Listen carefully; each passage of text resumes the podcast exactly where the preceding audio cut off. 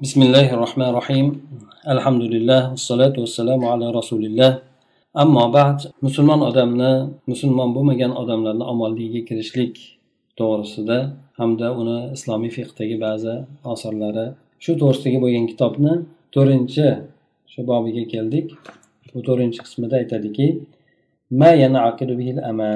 omonlik berishlik nima bilan bog'lanadi qanday so'zlar bilan omonlik berishlik bog'lanadi shu to'g'risida ekan مؤلف يتدكي ذهب الفقهاء إلى أن الأمان ينعقد بكل لفظ يفيد الغرض وهو اللفظ الدال على الأمان نحو قول المقاتل مثلا آمنتكم أو أنتم آمنون أو أعطيتكم الأمان وما يجري هذا المجرى. كما ذهبوا إلى أنه يجوز الأمان بأي لغة كان بالصريح من اللفظ كقوله أجرتك أو آمنتك أو أنت آمن وبالكناية كقوله أنت على ما تحب أو كن كيف شئت ونحوه fuqarolar shu narsani aytishganki omonlik maqsadni ifoda etadigan har bir lafz bilan bog'lanaveradi ya'ni omonlik berishlik maqsadni ifoda etadigan har qanday lafz bilan bog'lanaveradi bu esa omonlik berishlikka dallat qiladigan lafzdir endi qaysi bo'lsa ham masalan jangchi aytadiki amantukum desa.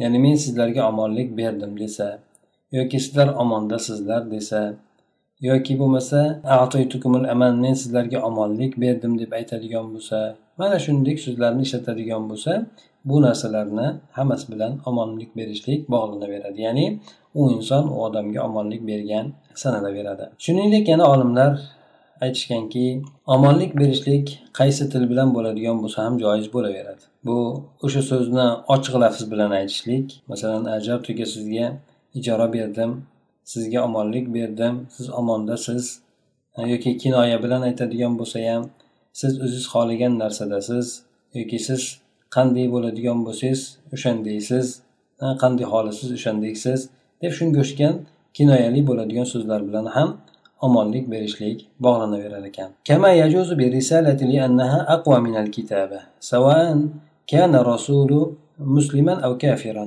لأن بناء الباب على التوسعة في حقن الدم في حقن الدم chunonchi yana bir risolat yuborishlik bilan ham bo'laveradi risolat bu to'g'ri maktub yozib berishlikdan kuchliroq hisoblanadi bu yerda u risolatni olib boradigan odam muslim bo'lsin yoki kofir bo'lsin farqi yo'q O'sha odam omonlik olgan hisoblanaveradi. Chunki bu yerdagi bobni binosi bu masaladagi bob binosi odamlarni qonini saqlab qolishlikdagi kengchilikka asoslangan. Ana shuning uchun odamlarni qonini to'kishlikdan saqlanadigan bo'lganligi uchun ozgina o'shanga bir ifoda ozginagina bo'lsa ham ifoda qiladigan omonlik berganligini ifoda qiladigan so'z bo'lsin holat bo'lsin yoki bo'lmasa bir kinoya bo'lsin mana shu narsalarni hammasi bilan omonlik berishlik bog'lanaverar ekan kim shunday gaplarni aytadigan bo'lsa narigi tomon omonda hisoblanar ekan unga birov bironta bir tajovuz qilishligi mumkin bo'lmay qolar ekan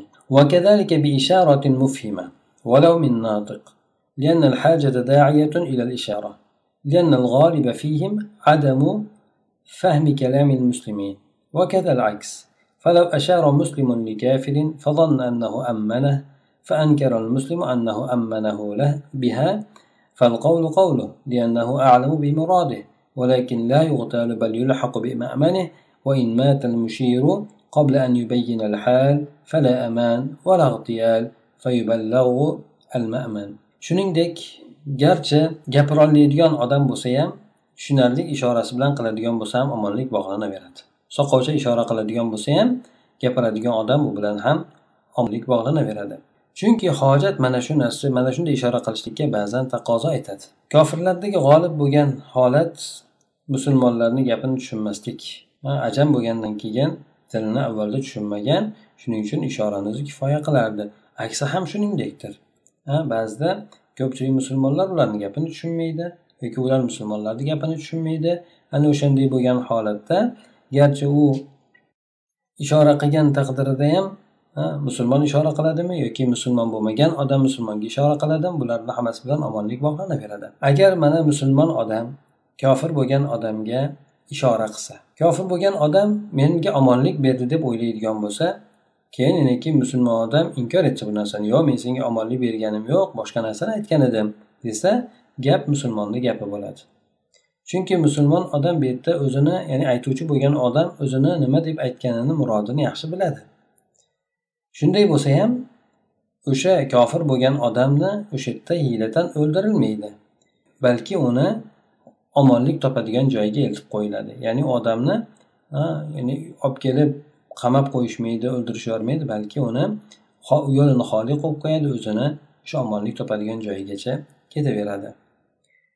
Agar ishora qiluvchi bo'lgan kimsa holatni bayon qilishlikdan oldin vafot etib ketib qoladigan bo'lsa bunda ham u kofirga nisbatan omonlik ham berilmaydi lekin uni shu bilan birgalikda o'ldirib ham qo'yilmaydi balki uni omonlik topadigan joyiga yetkazib qo'yiladi deydi. Ishora qiluvchi bo'lgan odam ya'ni omonlik berganligini ishora qilishligini bayon qilmasdan vafot etib ketadigan bo'lsa bu yerda o'sha omonlik oldim deb aytayotgan kofirni omonligi berilmaydi shuningdek uni o'ldirilmaydi ham. Demak uni o'sha omonlik topadigan ya'ni o'zini qo'shni tomonigami yoki omonlik topadigan joyiga jo'natib yuboriladi منجزا كقوله أنت آمن ومعلقا بشرط كقوله من فعل كذا فهو آمن لقول النبي صلى الله عليه وسلم يوم فتح مكة من دخل دار أبي سفيان فهو آمن shuningdek omonlik berishligini ijobi ham ijob qabul bir tomondan ijob bo'ladi ikkinchi tomondan qabul bo'ladi mana aytaylik nikohda ham agar mana bilasizlar ijob qabul degan narsa bor ijob qabul demak o'sha narsani qabul qilganligi bo'ladi. Ijob esa o'shani javobini olishlik bo'ladi. Birinchisini javobini olinadi ikkinchisini qabul qilganligini olinadi.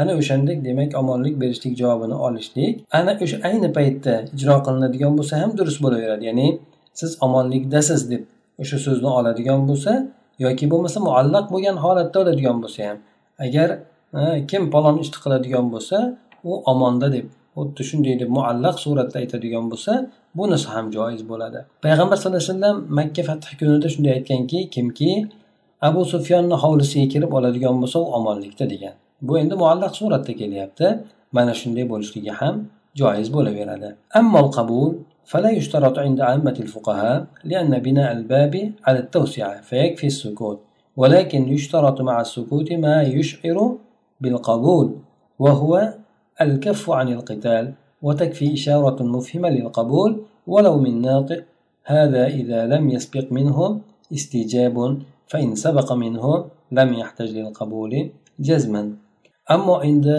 qabul javobni qabulini olishlik qabul qilganligini bilishlik bo'ladigan bo'lsa bu ommatan fuqarolarni nazdida shart qilinmaydi chunki bu bobdagi bino ham kengchilikka asoslanadi Sukutni o'zi kifoya qiladi. Sukutni o'zi kifoya qiladi. Lekin bu yerda sukut bilan birgalikda qabul qilganligini his ettiradigan sezdiradigan narsa ham shart qilinadi. Bu esa jang qilishlikdan tiyilishlik. Qabul uchun tushunarli ishorani o'zi kifoya qiladi. Garchi gapiradigan odam bo'lsa ham soqovcha tushunarli ishora qilib qo'yadigan bo'lsa ham kifoya qiladi.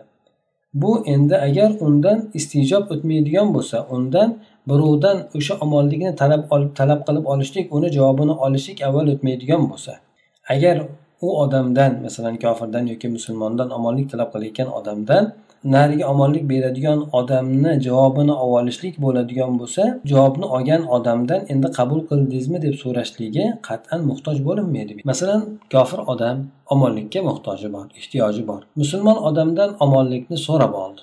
Menga omonlik bering dedi. U odam ijob qildi ya'ni bo'pti sizga berdim omonlikni dedi. Mana shu narsani o'zi kifoya qiladi. Kofir o'sha kofir bo'lgan odam omonlikni olayotgan odam men qabul qildim deb aytishligi kerak hojati bo'lmaydi chunki bu narsa ham aytib o'tilyapti kengchilikka asoslangan bu o'rinda o'zi talab qilib olayotganligi uchun uni qabul qildim deb aytishligi bu yerda talab qilinmaydi deydi وسنذكر في الآثار الأثر السادس كلاما للسرخسي رحمه الله في أن الأمان يكون ملزما للمسلم وإن كان حصل عليه بالكناية أو بالكذب biz hali zikr qilib o'tamiz oltinchi asarda. Ya'ni bu holatni kelib chiqadigan ta'sirida saraxsiy rahmaullohni gapini zikr qilib o'tamiz.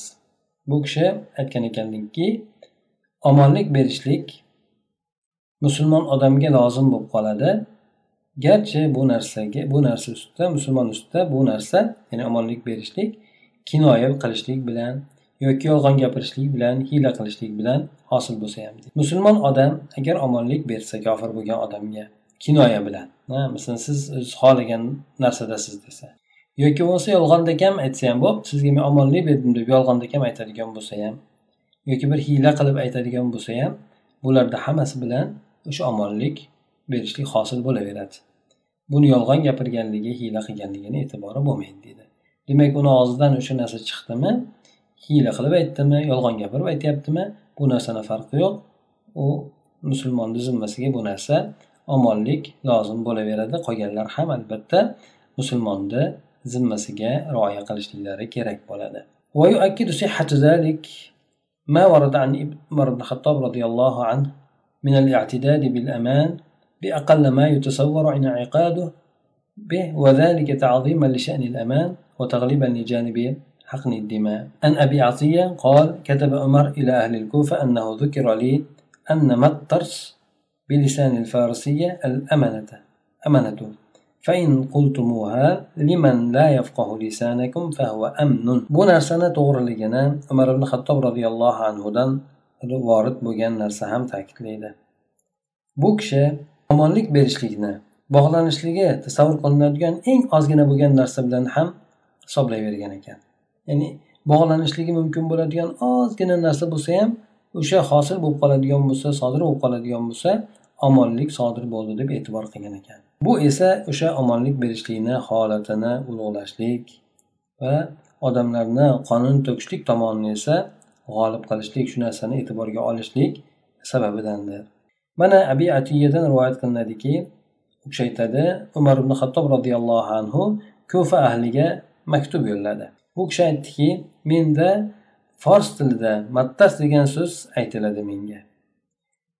Ya'ni buni ma'nosi omonat ekan omonlik berishlik ekan. Agar sizlar shuni tilinglarni tushunmaydigan odamga aytadigan bo'lsalaringiz bu odam omonlikda bo'lib qoladi. Sizlar o'sha so'zni aytadigan bo'lsalaringiz ham u odam demak omonlik beribdi deb tushunadida o'shanga suyanib qoladi. Shuning uchun u odamga omonlik صادر وحاصل بلده دبيت كان وعن أبي وائل قال أتانا كتاب عمر ونحن بخانقين بخانقين. إذ قال الرجل للرجل لا تذهل فقد أمنه. وإذا قال لا تخف فقد أمنه. وإذا قال ما الطرس فقد أمنه. قال فإن الله يعلم الألسنة. وعن مجاهد قال قال عمر أيما رجل من المسلمين أشار إلى رجل من العدو لئن نزلت لأقتلنك. فنزل وهو يرى أنه أمان. Faqat ammana. Abu voildan rivoyat qilinadi. Aytadiki bizga umar ibn xattob roziyallohu anhuni maktubi kelib qoldi. Biz xonaqayn degan joyda edik. Bir odam aytdiki bir odam bir odamga aytdiki la tadhal dedi. La tadhal degani la tahof degan ma'nosida ya'ni qo'rqmagin dedi. Demak bu odam unga omonlik berdi. Yana birisi aytdiki la tahof dedi. Bu odam ham omonlik berdi bergan bo'ladi. Bir odam agar mattas deb aytadigan bo'lsa bu ham unga omonlik bergan bo'ladi. Chunki alloh taolo tillarni o'zi yaxshi biladi deb umarni maktubi kelgan ekan. Demak umar roziyallohu anhu maktubida ularni mana shu ba'zi ko'rsatmalarga yo'llagan ekan. Ba'zi holatlarda inson bir odamga omonlik berib qo'yadigan bo'lsa o'sha omonligi bo'yicha u odam javobgar bo'lib qoladi. Mujohiddan rivoyat qilinadiki umar ibn xattob roziyallohu anhu aytgan ekanlarki yana boshqa bir o'rinda musulmonlardan qaysi bir odam dushmanni bir odamiga ishora qilsa aytsaki agar pastga tushadigan bo'lsang seni o'ldiraman desa bu odam pastga tushsa o'ziga omonlik berdi deb o'ylab tushsa bu ham unga omonlik bergan bo'lib qoladi. U ko'rsatayotgan ishorasidan gapirayotgan gapidan tushunmasdan u menga omonlik beribdi deb pastga tushadigan bo'lsa haqiqatdan unga omonlik berilgan bo'ladi. فيتبين لنا مما تقدم أن الأمانة ينعقد بكل لفظ أو إشارة أو تصرف دال عليه وبهذا يتبين أن الصور الموجودة في عصرنا الحاضر معتبرة شرعا فمنها التأشيرة من أي نوع كان وكيفما صدرت وكذلك الإقامة سواء كانت دائمة أو مؤقتة لغرض الدراسة أو التجارة أو للبعثات الدبلوماسية أو بسبب الزواج أو اللجوء الإنساني أو السياسي. وغير ذلك من الأمور. أما الحصول على الجنسية وحق المواطنة فهو أعلى وأوثق من التأشيرة والإقامة ولهذا لهذا وجدنا العلماء في عصرنا يعدون جميع هذه الصور من الأمان الذي يلزم المسلم ديانة وأخلاقا كما يلزمه نظاما وقانونا. bizda bizga yuqorida o'tgan narsalardan shu narsa ayon bo'ladiki omonlik berishlik bu o'shanga dalolat qiladigan har qanday so'z bilan yoki ishora bilan yoki xatti harakat bilan bog'lanaverar ekan. Shu sababli bizga yana ravshan bo'ladiki bizni hozirgi paytimizdagi mavjud bo'lgan suratlar shar'an e'tiborga olingan sanalar ekan. Mo'tabar ya'ni e'tiborga olingan shar'an ham e'tiborga olingan sanalar ekan. Bulardan masalan viza. Qaysi turda bo'lishidan qat'iy nazar? Qanday chiqarilgan bo'lishiga qaramasdan. Uch oylikmi besh oylikmi yoki bo'lmasa ishga kelgan vizami boshqa kelgan vizami? Shularni hammasi. Shuningdek iqoma ham. Iqoma yashashlik huquqini olishlik. Bu doimiy bo'ladimi yoki vaqtinchalik bo'ladimi? O'qish maqsadidami? Tijorat maqsadidami? Yoki bo'lmasa diplomatik bir e, yuborishlar e, maqsadidami? Yoki bo'lmasa uylanish maqsadidami? Insoniy yoki siyosiy boshpana so'rash maqsadidami? Bundan boshqa ishlarda ham o'sha iqomaga inson ega bo'ladigan bo'lsa bu narsalarda hammasi shar'an omonlik berishlik deb e'tibor qilinar ekan. Ammo endi jinsiy grajdanlikka erishishlik o'sha yerda haqqul muvotana vatanda yashashlik huquqiga ega bo'lishlik ya'ni grajdan bo'lib yashashlik huquqiga ega bo'lishlik bu narsa viza chiqarishlikdan ham iqoma yashashga ruxsat olishlikdan ham balandroq mustahkamroq kuchliroq bo'ladi ishonchliroq bo'ladi shuning uchun biz mana bu asrimizdagi bo'lgan olimlarni mana bu suratlarni hammasini omonlik berishlik suratlaridan deb sanashadi. Bu omonlik berishlik albatta musulmon odamga diyon din jihatdan ham axloq jihatdan ham lozim bo'lib qoladi. Unga avvalo nizom jihatdan sistema rejim jihatidan hamda qonun jihatdan lozim bo'lgandek deydi. Demak bu yerda bu bobni to'rtinchi bobni xulosasini aytadigan bo'lsak musulmon odam avvalda kofirlarga omonlik bergan. Payg'ambar alayhisalom hadislari bor edi. Ya'ni omonlik beradigan bo'lsa payg'ambar alayhisalomni hadislarida ko'p keladi. Inson birovga omonlik beradigan bo'lsa u odam musulmonlarni quyi tabaqasidan bo'ladigan bo'lsa ham biz o'sha odamni omonligiga e'tibor qilamiz o'sha odamni omonligi bilan hammamiz omonlik bergan bo'lamiz. Birovni bergan ahdiga ularni eng pasti bo'ladigan bo'lsa o'shan bilan ham musulmonlarda hammasi harakat qilaveradi degan mazmundagi hadislari ham bor.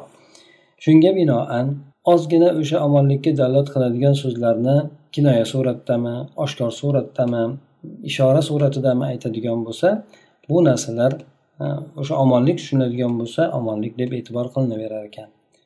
Agar omonlik tushunmaydigan bo'lsa lekin narigi tomon omonlik deb tushunib olgan bo'lsa unda u odamni ushlab qamab qo'yilmaydi ham balki o'zini yo'liga qo'yib yuboriladi to o'sha joyiga yetib borgungacha. Ana undan keyin o'zi agar xohlasa kelib musulmonlar bilan urushadi xohlasa omonlik so'raydi xohlasa uni joyini tark qilib ketadi. Lekin bu yerda muhim bo'lgan narsa bizga omonlik bo'lgan omonlik berishlik to'g'risidagi bo'lgan gap albatta nima o'shanga dalolat qiladigan qanday bir holat bo'ladigan bo'lsa o'sha bilan bog'lanaveradi. Chunki bu narsa payg'ambar alayhisalom davrlarida ham bo'lib kelgan edi omonlik berishlik ba'zan esa mana shu e, qaysi davrlar bo'lishidan qat'iy nazar omonlikka albatta omonlik berishlikka omonlik olishlikka ehtiyoj seziladi.